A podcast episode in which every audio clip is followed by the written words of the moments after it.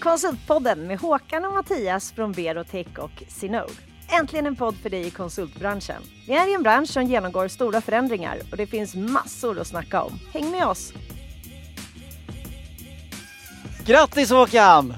Eh, tack snälla! Ja, hur ska du fira din födelsedag? Den firas ju redan här och nu. Jag har Ja. blivit fullmatad med bullar och tårtor och fått träffa Sanna och dig. Och Ja, ni har börjar- sjungit för mig, det är helt fantastiskt. Ja, Så det känns som en toppendag. vi är sockerchockade. Sockerkickade och socker, ja, fyllda av eh, kärlek och socker. Ja, och energi. För nu har vi en riktigt energifylld eh, finlandssvenska.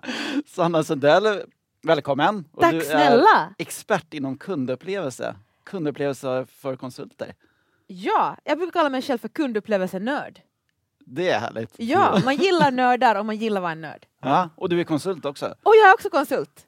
Härligt! Det här kommer Ja. bli hur bra som helst. Ja, Det här blir programmet för, för oss som är konsulter, kanske inte leder konsultföretag. utan Hur, hur ska vi vara där ute? Mm. Vad är framgångsfaktorerna för att vara duktig? Eller framgångsrik? ja, Och skapa kundupplevelser som är positiva. ja. Ja. Men vem är, vem är Sanna? Nej men jag är ju då finlandssvensk. Eh, jobbar med kundupplevelse och medarbetarupplevelse. De två sakerna hänger ihop tror jag starkt. Ehm, jag älskar kava, har vi pratat om här tidigare? Vi Mm. pratade om saker. Jag älskar kava, det är en bra grej i Mm. livet för livsbalans. um, älskar Finland, älskar min sommarstuga i Finland. Uh, älskar livet generellt bara. Och du har bott i Sverige i tio år. Tio år! Härligt! Så att uh, Tioårsjubileum. dialekten kommer ändå höras här lite igenom. Den har inte försvunnit med åren. Nej, men det tycker Ja, jag är skönt. Behåll den. Jag behåller den, Ja, även under intervjun. Ja. Och varför jag. blev du konsult då? Varför jag blev konsult? Nej, men jag tror nog att, att det var faktiskt lite av en slump. Men, men det jag charmas av i att vara konsult, det är, det är friheten. Och att det finns någonting i kon konsultrollen som för mig är väldigt entreprenöriellt. Ehm, och det, det ansvaret som kommer med friheten. Så att det var nog en slump att jag blev konsult. Men jag gillar konsultlivet. Mm. Har du varit det länge? Jag har varit, eh, just nu jobbar jag som konsult på en byrå Mm. som heter Doings och där har jag varit i två år. Men jag har också drivit eget bolag tidigare och eh, var liksom ja, men enskild firma och det Mm. gjorde jag i sju år.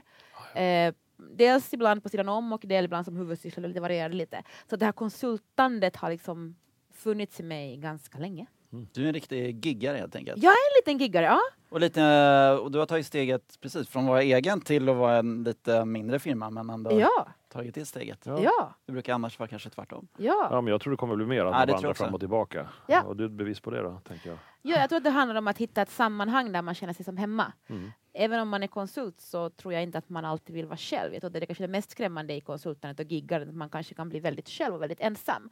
Och för mig så blev Doings, det känns som ett hem lite. Vårt kontor är också inrett som ett så här farmorshem, så det är som att komma hem Mm. till farmor. Typ. Ja, det är Man går in där. Finns det knyppelmaskin och det så här, eh, Nej men nästan! Nej, men nästan. Sju vet, sorters stolarna- kakor och så, eller? Ja! Ja. Och stolarna är lite så här skrangliga så man får alltid känna efter, så kommer de hålla eller inte. Nu ska vi reparera dem så det kommer bli bra. Men, men lite så. Det är så här hemmamysigt. Och jag älskar just det att ha ett sammanhang som konsult. Jag Och ha ett hem och kunna någon, nej, men kanske diskutera sina uppdrag också. Ja. Med, med, Ja. med andra. Vad var Ja. det som fick dig att, nörda in nu då, som du kallar det, på just det här ämnet om kundupplevelser? Vad var det som triggade dig från början? Jag har alltid älskat kundserviceyrken. Mm. Ehm, men det var nog på ett hotell på Åland, på norra Åland, för eh, ja, men över tio år sedan, eller nästan 15 år sedan, där jag hade ett sommarjobb. Och någonstans där så blev det liksom, blev hela kundupplevelsen bara så påtaglig, vilken skillnad man kan göra med så små medel och hur man går då från att leverera en kundservice, vilka alla bolag måste leverera som har kunder, till så här, vad är då egentligen kundupplevelse? För det är faktiskt två olika saker. Och det var någonstans där det började. Mm. Och sen har det bara blivit ett nörderi och jag är ju liksom, jag försöker stänga av det ibland när jag går ut och käkar middag eller någonting, men, Mm. men den finns liksom där, Mm. konstant. Mm. Och jag är en jättejobbig bankkund också, för jag kan liksom börja prata om deras kundupplevelse i bankmötet och bara, det här är inte bra! Nej, det, Ehm, känner igen mig där. Eller hur? Ja. Men du kan inte hålla tyst om det är en dålig restaurang eller? Ja, men på restaurangerna så brukar jag vara lite så här, okej men där försöker jag liksom ändå så här. Men, men typ om jag går till en bank eller en försäkrings, liksom, där brukar jag säga det här håller inte, det här håller inte måttet liksom. Men du, när du går till frisören, hur många av oss har någon, de frågar alltid och de ställer fram den här spegeln bakom så man får se nackhåret här. Mm. Och man säger åh vad fint det blev, säger man ju varje gång. Har du någonstans sagt det här var ju för jävla dåligt? Nej, men för att undvika det då så har jag ju gått till en och samma frisör i Finland, så jag går till frisör bara i Finland, i min egen gamla hemstad. Jag gör det två gånger per år. Bara för att jag vågar inte chansa liksom. Nej, men Stockholm det känns har lite jag för sett. crazy för det. Ja, nej. Så jag har min liksom, jag är lojal där. Ja, det är bra. Det är typ enda stället jag är lojal på tror jag. Det är ju Ja. ett bevis på hur viktigt det är med kundupplevelsen att du till och med väljer att åka de här milen och klippa dig bara två gånger om året för att det är så viktigt för dig. Men det är sjukt att det är fortfarande billigare att klippa sig i Stockholm. Så att, eh, Okej. ja. Men eh, och konsulter, hur, hur- tycker ni konsulten är med kundupplevelse? jag tror att Generellt. nu är det, kommer det vara mycket fördomar här tror jag som Mm. jag kommer leverera. Så att jag, men alla har vi fördomar så jag bara embracear dem här nu. Ehm, jag tror att konsulter är ofta fokuserade på att leverera ett uppdrag, ett, en produkt. Man är väldigt liksom så här målfokuserad och målstyrd, vilket är ju liksom en stor del av uppdraget. Vi är ju där för att leverera ett resultat. Men det som man då glömmer ofta, tycker jag, när jag träffar på andra konsulter och när jag varit på storbolag där vi haft inne, inne konsulter, så är liksom relationsbiten. Alltså kundupplevelse handlar ju om en relation. Ehm, det handlar om att bara för att man har skrivit på ett avtal så innebär det inte att åh, då har vi en bra kundupplevelse. Utan det är hela den sträckan från det, liksom det här första mötet till att avtalet signat, till att du gör uppdraget, tills att du är klar, tills att du checkar ut. Och även liksom åren efter. Mm. För mig tar det liksom aldrig slut. Nej, Och så här, hur tar vi hand om kunden inom olika skeden? Eh, hur definierar vi vår kundupplevelse? Vad är egentligen kundupplevelse för oss som konsult eller som konsultbolag? Ja, det var min fråga också, liksom, om man tar på sig kläderna som kunden har. Vad är i deras ögon en bra upplevelse? Så ska vi försöka jacka in det gissar jag då som Mm. leverantörer. Vad, vad, är- Mm. vad är definitionen ur ett kundperspektiv? Du hade en upplevelse när du var hos din frisör eller när du själv jobbade på hotellet. Ja. Eh, vad är det som vad är det vi triggar på när vi uppfattar att det är en bra upplevelse? Jag tror att det är liksom att det blir en skillnad, att det blir en impact. Mm. Och att det känns så lite liksom jobbigt att prata om det lilla extra, för det känns lite, lite för enkelt. Men här, att du ska leverera det du har sagt på avtalet, det är din uppgift. Kundupplevelse är det och någonting mer. Mm. Vill Och uppgiften säga- är en, nästan en självklarhet. Nu är det lite Ja, det är det du har fått betalt för. Alltså det är Yes. väl, om det är oavsett om det är en förstudie eller om det är ett projekt du ska leverera eller om det är en workshop. Alltså det har ju du sagt att du ska göra. Eh, men hur du gör det, hur tar du hand om din kund, det är det som är grejen. Så ett av de exemplen som jag tycker är viktigast är till exempel att man som konsult tar ansvaret för att ens kund ska skina. Mm. Det är för mig kundupplevelse. Jag som konsult ska inte få applåderna utan det är du som beställare som ska få applåderna för att du har beställt rätt konsult med rätt leverans. Och där märker jag att vissa konsulter eh, inte riktigt är utan man vill själv ha de applåderna. Och det kommer man ju få. Men det ska man få på hemmaplan och på hemmakontoret. Det är inte hos kunden utan hos kunden ska du få kunden att skina. Och det är Mm. din uppgift som konsult. Mm. Och där får man liksom eh, vara sams med sitt ego. Mm. Att inte behöva liksom få de här uppmärksamheten. Så att, så att konsulter är ju människor, upplever jag, som ska jobba lite liksom i bakgrunden eh, och få kunden att skina. Mm. Ja, men då var det klart då. Det var nej, det. Men, och, och, nej, men kund är ganska intressant för det kund är, kan vara ganska britt Mm. begrepp liksom. Och ibland så är det en, som köper in dig som Mm. konsult men du levererar för någon annan och kanske något annat projekt och deltagare. Hur, hur tänker man där med olika, olika stakeholders? Jag tror att man alltid när man ska komma in som konsult så ska man komma in med otroligt stor ödmjukhet. Man ska inte komma in och vara den som vet bäst och mest. För att man kommer in i ett sammanhang där man oftast har en ganska inboxad liksom, uppdrag. Om man ska leverera en bra kundupplevelse, då ska man se sig utanför sitt eget uppdrag och förstå vilket ekosystem det här uppdraget har landat i. Det är ju någonting som gör att man inte internt har kunnat genomföra det, inte kan genomföra det och så vidare. Och då hänger det ofta på de här stakeholders, men jag brukar kalla det liksom ekosystemet, det vill säga alla de som finns runt omkring. Det, det kan handla liksom interna konflikter hos kunden, det kan vara liksom framtida eh, strategi. Alltså det, liksom, vi kan inte bara titta på vår egen leverans, utan vi måste lägga vår leverans i ett sammanhang. Och där går vi liksom till kundupplevelsen, vi vågar göra det som, som konsulter. Sen ska inte vi blanda oss i de sopporna, det är inte det som är meningen. Men att vi är ödmjuka nog att inse att så här, okej, det här händer runt omkring. Hur ska jag i mitt uppdrag jacka in i det här? Ehm, och där går vår leverans liksom att, till kundupplevelse, tror jag. Mm. Ja, jag, kan, jag kan gissa att det är olika behov hos de här olika människorna som är i det här ekosystemet. Alltifrån ja, alla egenskaper och, och, och kvalitet och, och så. Pris Mm. kontra, kontra relation nära. Det är en rätt spännande dynamisk fråga. Och där är du inne på liksom nyckelordet, det är ju behovet. Ja. Så här, man önskar ju att alla kunder var duktiga på att beställa, men det är de ju inte Nej, alltid. nej. De vet inte egentligen ens riktigt vad de beställer. Och då måste du också som konsult vara så här, okej, jag, har blivit- jag har fått den här beställningen, men vad är egentligen behovet? Mm. Och att där som konsult våga liksom ha en integritet. Ibland kanske man måste säga så här, vet du vad? Du beställde det här och det är jag egentligen rätt för att göra. Men ert behov, det är det här. Och där behöver ni egentligen en annan typ av konsult eller vad som helst. Liksom. Att försöka hitta så här, vad är kundens behov. Det är också där man hittar vad kommer göra din beställare glad. Och det är Mm. det som också är grejen. Det är inte bara att du har levererat din produkt. Och så här, den som är din beställare, den som du rapporterar till, den som någonstans ska säga så här good job. Mm, Vad är dens behov? Vad är dens liksom pain i vardagen? precis. Och där är liksom kundupplevelsen utifrån ett konsultperspektiv att det ska du underlätta, det ska du lösa. Mm. Ibland har du turen att ha det i ditt uppdrag. Ibland är det ett, ett, en sidoprodukt som du aldrig kommer kunna ta betalt för. Men jag tror att lyckas du med det så bygger du ett livslång relation till den här beställaren. Mm. Ibland kanske du dödar ditt eget uppdrag. Ja, och det ska man våga göra. Yes. Det ska man verkligen feg, våga är vi göra. fega? Konsulter? Ja, det tror jag. Mm. Eh, Vi är ju, alltså, konsulter är ju allkonstnärer. Vi är ju många väldigt entreprenöriella och vi kan lösa allt. Och det är ju liksom, det är ju därför vi överlever i det här yrket. Och det är en jätteviktig egenskap och den ska vi liksom inte åsidosätta, utan den ska vi ha. Men den integriteten att säga så här, jag kanske inte är rätt konsult eller ni kanske skulle behöva den här kompetensen först.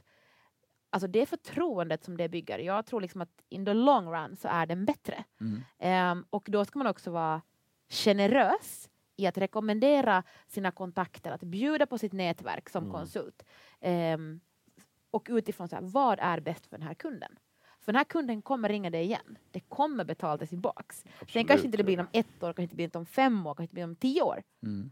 Men någon gång så kommer det betalas tillbaks. Så vi ska vara lite mindre vi ska vara modiga att ta uppdrag som är rätt och där vi kan skapa ett värde. Mm. Bra. Mm, Nu får alla lyssna på det här. Modiga och ta rätt uppdrag. Ja. Ja. Och därmed tacka nej till där man inte passar. Ja, och ibland kan det hända att man inte vet det innan. Ibland kan ju liksom uppdragsbeskrivningen vara så här, den är perfekt. Men det går tillbaks till så här, har kunden kunnat beställa rätt? Och det kanske man, det är ju en kompetens som vi konsulter Mm. har. Vi ska kunna säga så här, ja, men ditt behov det är det här. Och därför är min rekommendation det här. Och det kan man ibland behöva göra mitt i ett uppdrag. Och det är ju Mm. jobbigt. Ja, men också att, att behovet driver över tid, tänker jag. Man, Mm. man ville ha en blå sak, men sen efterhand så tenderar alla driva åt den där gula grejen Mm. eller vad det är. Och då måste man ju ibland hjälpa kunden att förstå att det är en gul vi vill ha. Eller säga att jag gör inga gula grejer, jag gör bara Mm. blåa. Så att man måste, jag gissar att man måste vara lyhörd här nu då. Både kommunikativ och lyhörd och inte bara leverera det där som de förväntade sig. Exakt, man måste vara lyhörd och man får inte vara för rigid heller i sitt Nej. liksom så här, vi har väl alla våra sätt att göra saker och ting som konsulter, modeller vi gillar och liksom så här, Mm. Men nu är det ju faktiskt, att ska vi leverera en kundupplevelse, då ska vi göra det på kundens villkor. Och då ska inte vi hålla fast vid någonting bara för att vi en gång har lärt oss det vi tycker att det är världsbäst. Och säga så här, okej, vi testar på ert sätt. Alltså det är så här, bara för att du är konsult så är du inte allvetande. Du är inte en gud som ska rädda liksom det här bolaget.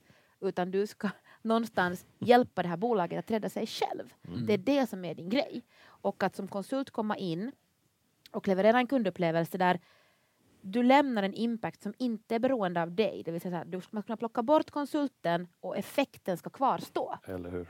Det är liksom, om jag skulle få välja en sak här Mm. så är det det. Att bygga en kundupplevelse, bygga en leverans som handlar om att här, när man plockar bort dig som konsult så kvarstår den effekten och liksom det värdet du har skapat. Mm. Så du inte har byggt det kring dig själv. Ja, precis. Ja, men det tycker jag är jätteviktigt. Jag kom in med en random fråga nu. Mm. Eh, finns det någon konkret grej som du kom på när du var på hotellet i norra Åland för länge sedan, där du gjorde det där? Det bara hände helt plötsligt gissar jag, att du vågade prova någonting som skapade den där upplevelsen. Kan, för det kan vara bra att få, få det konkret. Mm. Var det att du vek ihop en sån här schysst handduk på sängen eller vad var det? Kommer du ihåg det? Ja, absolut. Jag vet inte riktigt hur vi ska anpassa det här till att vara lärdom nu i konsultbranschen. Men ja, det fanns en situation som så här, det fanns liksom ingen, ingen rutin, det fanns inget rätt sätt och det var när ett brandlarm gick i ett av hotellrummen och jag kommer in där och jag finner en barnfamilj som sitter och steker korv i den här svitens eh, liksom öppna eld. Och det var så här 70 grader varmt i det här rummet. Och jag visste inte riktigt vad jag skulle göra. Det var så här, de hade inte sagt att de hade tre ungar med sig. Liksom, allt var bara fel i hela Mm. situationen. Eh, och liksom det, var brand, det var midsommar och när brandlarmet gick så ringde det överallt. Alltså i alla hotellrum ringde det då, och Ja, i matsalen. Det var ju katastrof liksom. Och att då sitta där och tänka så här, hur ska jag nu göra de där hundra som sitter där i restaurangen nöjda för då har det ringt i 20 minuter och jag Okej. får inte stängt det här. Nej. Hur gör man då? eh, och någonstans där så, så föddes ju liksom mitt intresse för hur levererar man en kundupplevelse? Det är enkelt att leverera det när allt går bra, hur? men hur gör man när det går dåligt? Mm. Så jag brukar ju skämta om att så här, mitt drömjobb skulle vara att jobba på reklamationsavdelningen på Viking Line. Mm. Tänk folk som hör av sig och är missnöjda med någonting. De var dessutom berusade, så de minns inte riktigt vad de är missnöjda med, men de är ändå superarga. Ja. Det måste ju ändå vara den ultimata kundupplevelsen, Ja. att lappa upp. Liksom. Det är en bra träningsplats kanske. Det är en bra träningsplats. Ja. Ja, spännande. Var det den historien du tänkte dig? Nej, men ja, precis. Ja, vi, vi, det är fortfarande en cliffhanger hur du löste det där. Ja, ja, men vi det, kan det spara det det. jag undrar också. Det kanske, Ja. Men det kanske du vill sälja den tjänsten sen till någon? Ja, exakt. Jag kan berätta hur man gör när brandlarmet går och man inte har någonting att lösa Ja, sig. Och, Men då ringer ni Sanna. Istället Exakt. för att ringa brandkåren ringer man Sanna Mm. nästa gång. och på Åland så är närmaste brandkåren ofta 20-25 minuter ifrån för att det är frivillig brandkårsverksamhet. Så Ja, att, eh, ja, Men det är väl när det skiter sig, det är då man kan skina extra Ja. mycket ja, som konsult. verkligen. Och att våga säga att så här, oj, det här blev inte så bra. Mm. det tror jag också att det som konsulter, det jag skulle vilja säga till alla konsulter ibland, det är att ge dem en stor kram och säga så här, var lite snälla mot er själva. För vi kommer in ofta och tänker så här, nu ska jag leverera värde för varje timme och så här mycket tickar jag på liksom och så här. Nej men att ibland vara lite snäll mot sig själv också, att så här, vad kan jag göra i den här situationen för att den här kunden ska bli gladast möjligast? Och då tror jag att det ibland handlar om att vi själva måste vara snälla mot oss själva och säga så här, jag misslyckades, men så här kommer jag lappa upp det. Mm. För misslyckas gör vi alla, så inte ens konsulter är perfekta. Eller hur? Även om det är svårt att förstå. Ja men det är svårt att förstå, nej men så är det ju. Nej, men det här, det jag tror att det handlar om att så här, alla människor misslyckas. Och det är så här, vad gör vi av misslyckandet? Det är det som gör oss till bra Mm. eller bättre konsulter. Liksom. Mm. När du jobbar som konsult i de här frågorna, då, hur jobbar du för att liksom ge feedback och återkoppling till, till människor? För det är någonstans en lärande process, för alla har ju inte alla alla har hästarna på plats men de har inte tränat i det här. De har inte varit på hotellet när brandlarmet gick så de har inte kommit till det här stället ännu där det börjar gå knas. Hur, hur gör du för att liksom, om du nu gör det, ge feedback eller lära mig eller Mattias? Vad är liksom verktygen? Mm. För det är, nästa, för det är många Mm. som kanske, hur ska jag kunna coacha min, om jag sitter som konsultchef? Mm. Eller jag är kanske kund och vill hjälpa till. Mm. Hur ska jag göra? Nej, men ett, en sak som jag brukar göra med mina kunder och som jag brukar tipsa fellow colleagues i, i branschen är att sitta ner med kunderna och säga så här, när har vi lyckats med vårt uppdrag? Det vill säga inte bara när vi har gjort det klart, utan när har vi lyckats? Vad skulle kunna vara liksom en sån Och det milstolpe? gör det tidigt liksom i uppdraget. Ja, Mm. vad är ett tecken på att vi har lyckats? Vad är liksom Mm. den effekten? Jag gjorde det med en kund för kanske tre år sedan, fyra år sedan kanske det är nu. Och då säger den här kund, kunden då till mig så här, men Sanna, om vdn bjuder oss på kanelbullar, då har vi lyckats. Och det blev liksom ett mindset, allt jag gjorde var så här, okej nu ska jag göra allting så att den här vdn ska skicka kanelbullar. Det var ju väldigt specifikt så. Det är mycket kring mat här i mitt, mitt, Ja. mitt liv. Ehm, ja, men det blev liksom ett mål att, så här, som jag sa tidigare, att leverera sitt uppdrag. Det ska vi göra. Men hon visste ju någonstans att om hon får kanelbullar av vdn, då har vi gjort någonting beyond. Ja, Och det var ju dit hon ville. Mm. Och det är då att, så här, att låta din beställare definiera när hen uppfattar att vi har lyckats. Definition of done på riktigt. Mm. Ja. precis. Ja.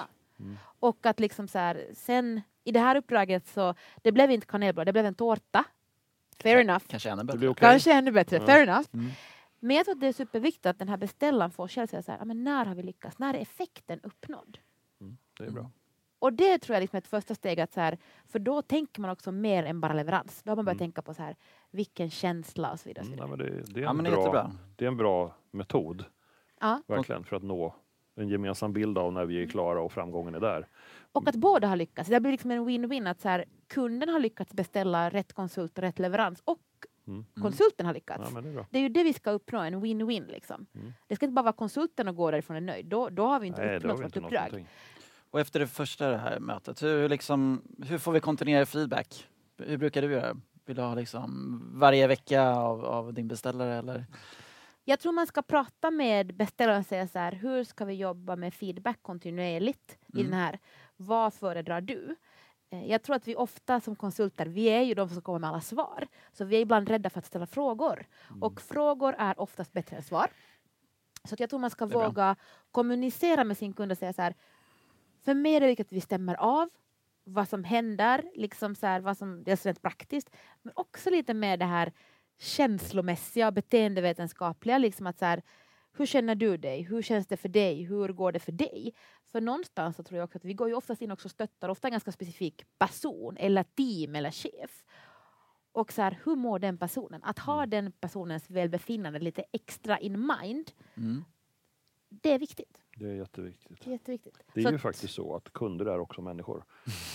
Ifall ni inte visste det. Ja, Mm. och De konsulter har- också. Det är ju helt Ja, galet det här. Man kan liksom. använda det. Ja!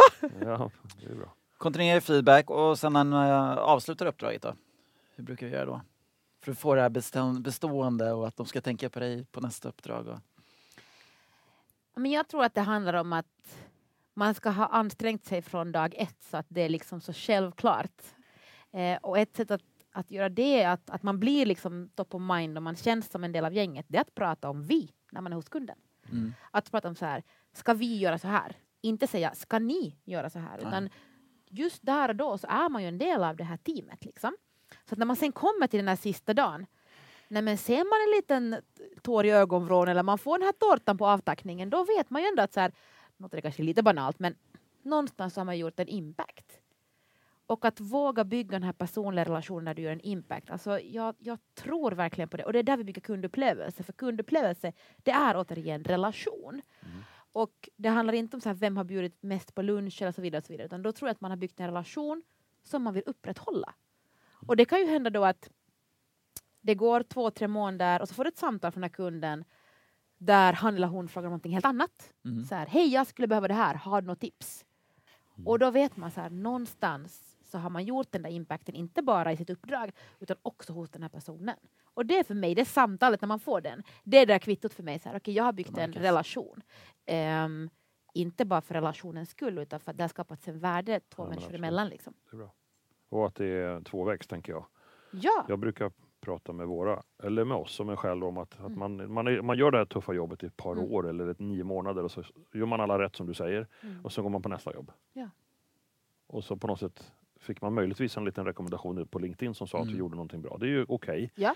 Men det är lätt att man tar det där för givet. Mm. Så att jag tror att ett sätt för mig att skapa en bild är att man när man åker bilen Mm. eller man åker tåget förbi den där gamla kunden. Ring för fan. Mm. Jag åkte just nu förbi. Jag, Ja. jag kom bara att tänka på det vi gjorde ihop för tre år sedan. Hur gick det? Hur går det? Mm. Hur funkar det? Mm. För det är på något sätt en äkta relation. Men den, den, Exakt. Det, eh, och det kostar ingenting. nej. Mm. Men vi är lite bromsade av allt Ja, annat verkligen. som pågår. Men Eller ganska... om man ser liksom i sociala medier, eller på LinkedIn eller i tidningar eller någonstans att det skrivs om de här sakerna som man har jobbat med, att det går bra för det här bolaget. Man bara Mm. skickar ett sms eller ett Ja. meddelande så här, hej jag såg att det här hände hos ja, er. absolut. Vad kul liksom, grattis! Mm. Ehm, det tror jag är jätteviktigt. Så enkelt. Nej men jag tror att det är enkelt, alltså Mm. kundupplevelse, hela grejen med kundupplevelse är att det är så enkelt så att det blir svårt. Det är vi, det jag som tror är vi grejen. övertänker. Liksom, det, vi ska göra det svårare än vad det borde vara. Men har man jobbat i restaurangsvängen eller hotellvärlden eller stått i Ja. en liftstation uppe i Alperna så det Exakt. är inget svårt då. Nej. Tror jag, för man är en del av en serviceorganisation. Nu ska vi ha konsulter som helt plötsligt ska jobba med service. Vi har inte förstått det riktigt tror jag. Utan vi tror att det räcker att vår lilla produkt eller tjänst får tala för sig själv. Men det är precis som du säger, att det är, det är bara halva jobbet. Och det är alldeles förväntat till 100 procent. Att det ska vara top notch där. Det som avgör den här sociala förmågan. Ja men verkligen. Eh, Och speciellt nu. Nej, men Ja, det, ja i Allt- allt konkurrensen viktigt. och Ja, ja. allting blir så här, wow. allt mer viktigt. Men det vilka handlar- möjligheter, tänker jag, Jaha. eh, för en medioker mekanist som jag själv är, att jag kan, kan kompensera det med att vara sjukt trevlig. Nej, jag Ja. skojar nu, men det... det Ja men det finns också någonting, för jag tror att vissa kan uppleva så här, som kanske nu lyssnar på det här och bara, jaha men ska jag bli någon så här extrovert galning som ska liksom uppmärksamma allt och alla? Nej, utan du ska hitta ditt eget sätt att göra det på. Det ska inte vara så här inlärt, så här, så här ska man göra på ett sätt, utan man ska hitta sitt eget sätt att leverera sin kundupplevelse. Det handlar om tillbaka till att så här, som konsulter så måste vi vara förtroendeingivande. Mm. Och då måste vi göra på ett sätt som passar vår personlighet Absolut. och som känns genuint. Det är också viktigt att inte bara så här, eh, att utgå från sig själv. Men, men det är också så, här, så intressant att så här, när jag sitter och skapar de här kundupplevelserna, hjälper bolag med kundupplevelser och konsulter, jag går ju tillbaka till restaurangbranschen. Jag går ut, det är det som är mm. min förebild. Eh, den upplevelsen som levereras i de här situationerna där vi alla kan bli lite små monster. Liksom. alltså folk som är så himla resonliga med toppenjobb kan vara fruktansvärda i en hotellreception. Alltså mm. som kund. Ja. Jag är ju också fruktansvärd som hotellrest ibland när jag ska kräva saker. Och det kommer att gå tillbaka till så här, vad krävs i den situationen? Det är det vi behöver efterlikna. Och därför, så här, vill man veta vad bra service är, då ska man alltid gå till kundserviceavdelningen eller supporten på, på bolaget man är. Och så här, med lyssna eller med titta där. Mm. Eh, och lägga två, tre timmar på det, för då får man hjärtat och pulsen i ett bolag. För då vet man också här, hur levererar min kund kundupplevelse? Mm. Vad är service för dem? Vad är kundupplevelse för dem? Och att få den omvända pulsen. Och då är just kundserviceavdelningarna de absolut bästa. Och för mig är de alltid högst upp i hierarkin, för det är där pulsen är. Liksom. Ja, ja. Det är de som är viktigast. Mm. Och eh, hur ska man tänka som uh, chef då? Om du är konsultchef och vill att dina konsulter ska börja ge lite extra kundupplevelse. Hur ska vi få dem att Ja men då tror jag att man kommer in på liksom självledarskap mm. eh, någonstans. Och det som det handlar om att konsulter, vi är ju ofta ganska ensamma i våra roller och vi ska leverera någonting ganska stort och av värde. Och då behöver vi hjälpa våra konsulter att ha ett slags självledarskap, att känna sig själva. Så här, vad är viktigt för dem? Vad går de igång på? Vad ger dem grön energi? Och grön energi i det här fallet då liksom så här, saker som gör att de mår bra. Vad behöver de liksom? grön energi. Grön energi. Det är det nya. Mm. Ja, grön energi, det är det nya.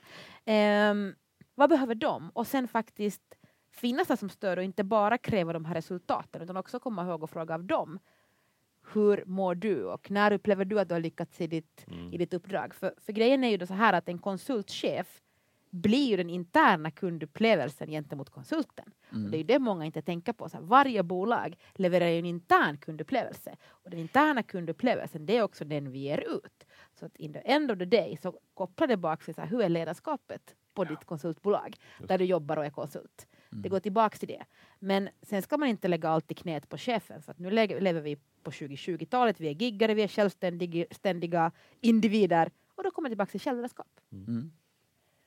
Och då är det det som blir grejen. Det är bra. Och det är allt mer viktigt. Och några tips där, några konkreta tips. Självledarskap, hur ska man jag skulle prata om det här i timmar. Men äh, det här är ju också mitt hjärteämne, källredskap. Nej, men jag tror att man ska börja ställa sig frågan så här, ja, men vad är mina viktigaste värderingar? Vad är viktigt för, för mig? Vad är sånt som jag aldrig skulle liksom tumma på? Att man vet det. Också känna sig själv i så här, hur blir jag i en konfliktsituation? Mm -hmm. Hur blir jag i en situation som där jag kanske är obekväm, att man känner sina försvar? Um, helt enkelt självkännedom. Uh, och sen är det nog självmedkänsla. Det vill säga så här, kunna vara snäll mot sig själv. Inte vara den här övermänniskan som alltid ska ha kunna ha alla svar och alltid ha rätt utan våga också så här, vara snäll mot sig själv i ett uppdrag och säga så här nej, den här gråa onsdagen var inte så toppen men imorgon kan bli bättre. Mm. Um, men mycket handlar om självkännedom och hur reagerar jag i olika situationer mm. och kunna ta ansvar för det. Um, och vara liksom i det då en förebild för dem du omger dig med ute hos kund. För du är ju inte ett vakuum utan du är ju hos kundens medarbetare. Så också vara en förebild i självledarskap. Och våga säga nej och sätta gränser. Och, ja. Yes. Jätteviktigt. Mm. Och det är kanske inte alltid så roligt. Um, men, och man ska inte göra det för gränsernas skull men man ska göra det utifrån alltid kundens bästa. Det är så här, du ska få kunden att skina. Hur kan du göra det på bästa sätt? Mm. Och konsultchefen ska få sina konsulter att skina. Vilket innebär att så här, um, på Doings har vi en grej uh, där vår uh, konsultchef, eller VD, hon gör alltid på fredagar en liten fredagsfeeling i slacktråden mm. där hon hurrar för saker som är bra den veckan. Vi träffas ju inte alltid liksom alla utan vi är ute på olika uppdrag. Och bara få den boosten, alltså det är så här tio rader mm. på en slacktråd mm. med lite konfetti och ballong-emojisar. det är så liten grej. Mm. Man känner sig förstärkt och boostad. Så att jag tror också att folk måste tro, tro att man ska göra de här stora sakerna. Det är de här små vardagsgrejerna som kommer göra skillnad för dina konsulter för att kunna leverera en bra kundupplevelse. För jag blir alltid pepp. Det låter jättebra. Ganska raka på tips. Ja. Jag tycker också att man kan som konsult be om hjälp. Man backar hem och säger nu känns det lite som att jag inte har energin längre eller jag vet, inte, Verkligen. jag vet inte om jag levererar det som egentligen förväntades. Jag kanske inte har förmågan eller vågar att fråga rakt till kund men då kan man ju backa hem till någon kompis. Man drar i nödbromsen. Antingen åker man hem och fikar med sin konsultchef eller sina kollegor. Så här, hur ska jag ta hantera det här? Och bygga kan- en sån kultur där det liksom Ja. finns den här... Jag tycker den är fantastisk. Att gå, ja, Mm, att gå hem och säga så här... Ja, Eh, "Nej, men nu hörni, nu går det inte riktigt så bra. Nu vill jag bara precis. kräkas lite och få lite, få lite hurrarop. Eh, Jag tror att det är superviktigt att man får ha en sån ventil där man får liksom Sen ska man vara rak och ärlig mot kund, men, men i konsultrollen så, så ska inte din kund kanske vara din terapeut. Liksom. Så att Nej. då behöver man den ventilen hemma liksom, Jag tror, istället. Och jag tror både säljaren och konsultchefen skulle också känna att den dialogen är bra. Ja. Att den är öppen hela tiden för då kan man verkligen hjälpa varandra och, och coacha och peppa. Ja. Eh, än att man ska försöka spela ett, ett, ett kallt och tufft hårt spel Mm. där ute i Ja. den här kalla världen. Eh, för det är inte alla som pallar det alla dagar. Nej. Det kan vara många regniga onsdagar i rad liksom. Ja. och, och då kan det be- behövas. Ja. Och så som vi gör på vårt jobb, då har vi, vi, det är en liten formalia men vi jobbar med något som vi kallar för uppföljning. Det låter ju så här sjukt kul men otroligt avgörande. Så vi kollar ju med våran kund, först kollar vi med våran kund, vi gör den i tre nivåer. Först så träffas konsultsäljaren eller konsultchefen med sin konsult och går igenom hur, hur är det? Gör du det du ville göra eller gör vi saker som vi inte har sålt utan det har blivit en drivning mot förväntan? Och sen så hur trivs du, hur mår du, hur funkar det och sådär. Och sen så använder, får vi använda den informationen när vi sen går och träffar kunden. Det här, så här tycker vi och vår konsult att vi, och sådär. Så man har en dialog med kunden och sen så bara tolfte månaden när vi har tur och hinner med det här, då samlar vi findings från kundens alla konsulter vi har där. Och så levererar vi något mervärde extra tillsammans som ett kollegial grupp för att hjälpa kunden ytterligare. Och det visar sig att kunderna bara väntar på den här feedbackdagen när vi får komma dit och berätta. kul. För då är det, liksom, det är en positiv exempel. spiral som jag tror att eh, eh, gynnar alla. Ja men verkligen. Eh, konsulten blir hörd. Mm. Konsultsäljaren får ännu bättre relation med alla parter och kunden verkar trivas skitbra i det. Ja, Ja. ger- Det är mitt ni- lilla ja, bidrag i det här. Ger, Jättebra ni tips. ger extra värde. Mm. Superbra. Superbra. Ja, men eh, konsulter, vi bygger vårt eget varumärke och det är väl mycket med kundupplevelse. Har vi några så här slutliga tips på Nej, men, eh, mitt bästa tips är nog verkligen att låta kunden skina. Och Mm. att bygga en kundupplevelse där fokus är på det. Jag kan nog inte trycka på det tillräckligt mycket. För att, och det är nog för att jag ser att det inte händer. Eh, utan, utan om man går in med en inställning när man går in i en leverans att nu ska jag få min kund att skina. Då tror jag att man kommer uppnå en fantastisk kundupplevelse och det kommer, som kommer bli resultatet. Ehm, jag drivs själv väldigt mycket av det och blir ofta väldigt engagerad i mina uppdrag. Och det är fantastiskt att se när kunden lyckas. Och att sen få gå hem till sitt hemmagäng, till det här farmorskontoret Mhm. och där få skåla med mitt gäng, att vi har lyckats tillsammans. För man ska komma ihåg att så här, även om jag är ensam konsult ute hos kund så har jag ju i bakgrunden ett helt gäng. Som du var Håkan inne på, att det är också de man kanske kan prata med när det inte funkar. Ja, men också fira tillsammans med dem så att man stärker det. Och sen kan man väl fira också med kunden. Men eh, mitt absolut viktigaste tips är att gå in och låta kunden skina. Hur kan Mm. du möjliggöra att kunden kan skina? Är bakgrunden? Skönt. Härligt! Bra tips. Ja, men det är väldigt konkret. Även så, vi har olika sätt att lösa det där på. Men att, Ja. att, bara, att man har fokuset på det. Mm. Inte bara göra det bästa tjänsten, produkten, prylen som man var tänkt att göra eller testsystemet utan det är att få kunden att skina. Ja, det, det kan man ta med sig vidare tror jag. Ja, men jag, jag gillar ditt tips om att eh, nej, men du ska inte vara personberoende hos kunden utan du ska bygga bort dig själv men effekten ska ju kvarstå. Och Bra. det är ju läskigt. det är läskigt. Det är väldigt läskigt. Ja. Men det är också det mest förtroendeingivande du kan göra som konsult. Mm. Ja, Bjud på kunskap. Motsatsen är ju hemsk. Mm. Ja, Ja, några av oss har förmånen att vara föräldrar och man skulle bete sig likadant som förälder mot sina barn som då man egentligen vill behålla kunskapen och du ska inte kunna klara det själv kära son. Då får du liksom trasiga ungdomar runt dig. Jag tror man, jag tror man kan dra många paralleller att ju fortare vi kan lära våra kunder att klara sig utan oss, desto mer jobb får vi. ja. exakt så. Jag håller helt med. Bra! Du, det Bra Håkan, du har hur- ju lärt dig allt Ja, här. känner jag. jag, idag, jag fyller år idag, jag är helt öppen. Som en Ja. öppen bok, jag tar åt mig allt. Ja. Det är den här pågående, pågående livskrisen då som jag har pratat om att vi Ja, eventuellt ska prata om istället. Men det får bli en Jag annan tycker vi har pratat jättemycket om fira och så. Ja! Ska Ja, fira ännu mer. Celebrera. Ja. Livet behöver vara mer fest. Ehm, Det tror Men jag. du Sanna, stort tack att vi fick låna dig idag. Ja, men tack för att jag fick komma, så himla härligt Ja. att vara här med er. Vad roligt. Ja, men en sista fråga. Vi måste ju alltid ha någon eh, tips på framtida gäster i Konsultpodden. Det måste man ju ha. Ja. Oj, Oj, det har jag inte funderat på. oj, det här hade jag inte tänkt Nu på. stannar vi ett tag. Det är första gången hon är tyst. Nu funderar hon. Jag, brukar säga att människor som får mig tyst, de ska jag gifta mig med. Men jag kan inte gifta mig med er nu. Nej, vi är upptagna redan. Tyvärr. Gud, nu blev jag verkligen... Ja, men jag kommer ändå ta på det temat och en av mina förebilder i kundupplevelser men också i ledarskap och också att driva affär. Då kommer jag säga Helene Barnekow som är VD för Mm. Microsoft Sverige. Jag fick jobba med Helene på, på Telia och hon är en av mina största förebilder och inspiratörer och är en av de personerna som verkligen lever som hon lär när det kommer till kundupplevelse. Så jag säger Helene Barnekow. Underbart. Grattis. Helene. Ja. Ja. Nej, hon är väldigt inspirerande. Håller med. Grymt! Härligt! Stort, Stort tack. tack. Tack, tack. Tack! Får fira mer. Ja! ja! Du har just hört nummer 28 av Berotech och Synodes Konsultpodden. Och vår gäst idag heter Sanna Sundell och hon är People Expert och konsult inom kundupplevelse på Doings. Produktionen gör vi på Septemberfilm.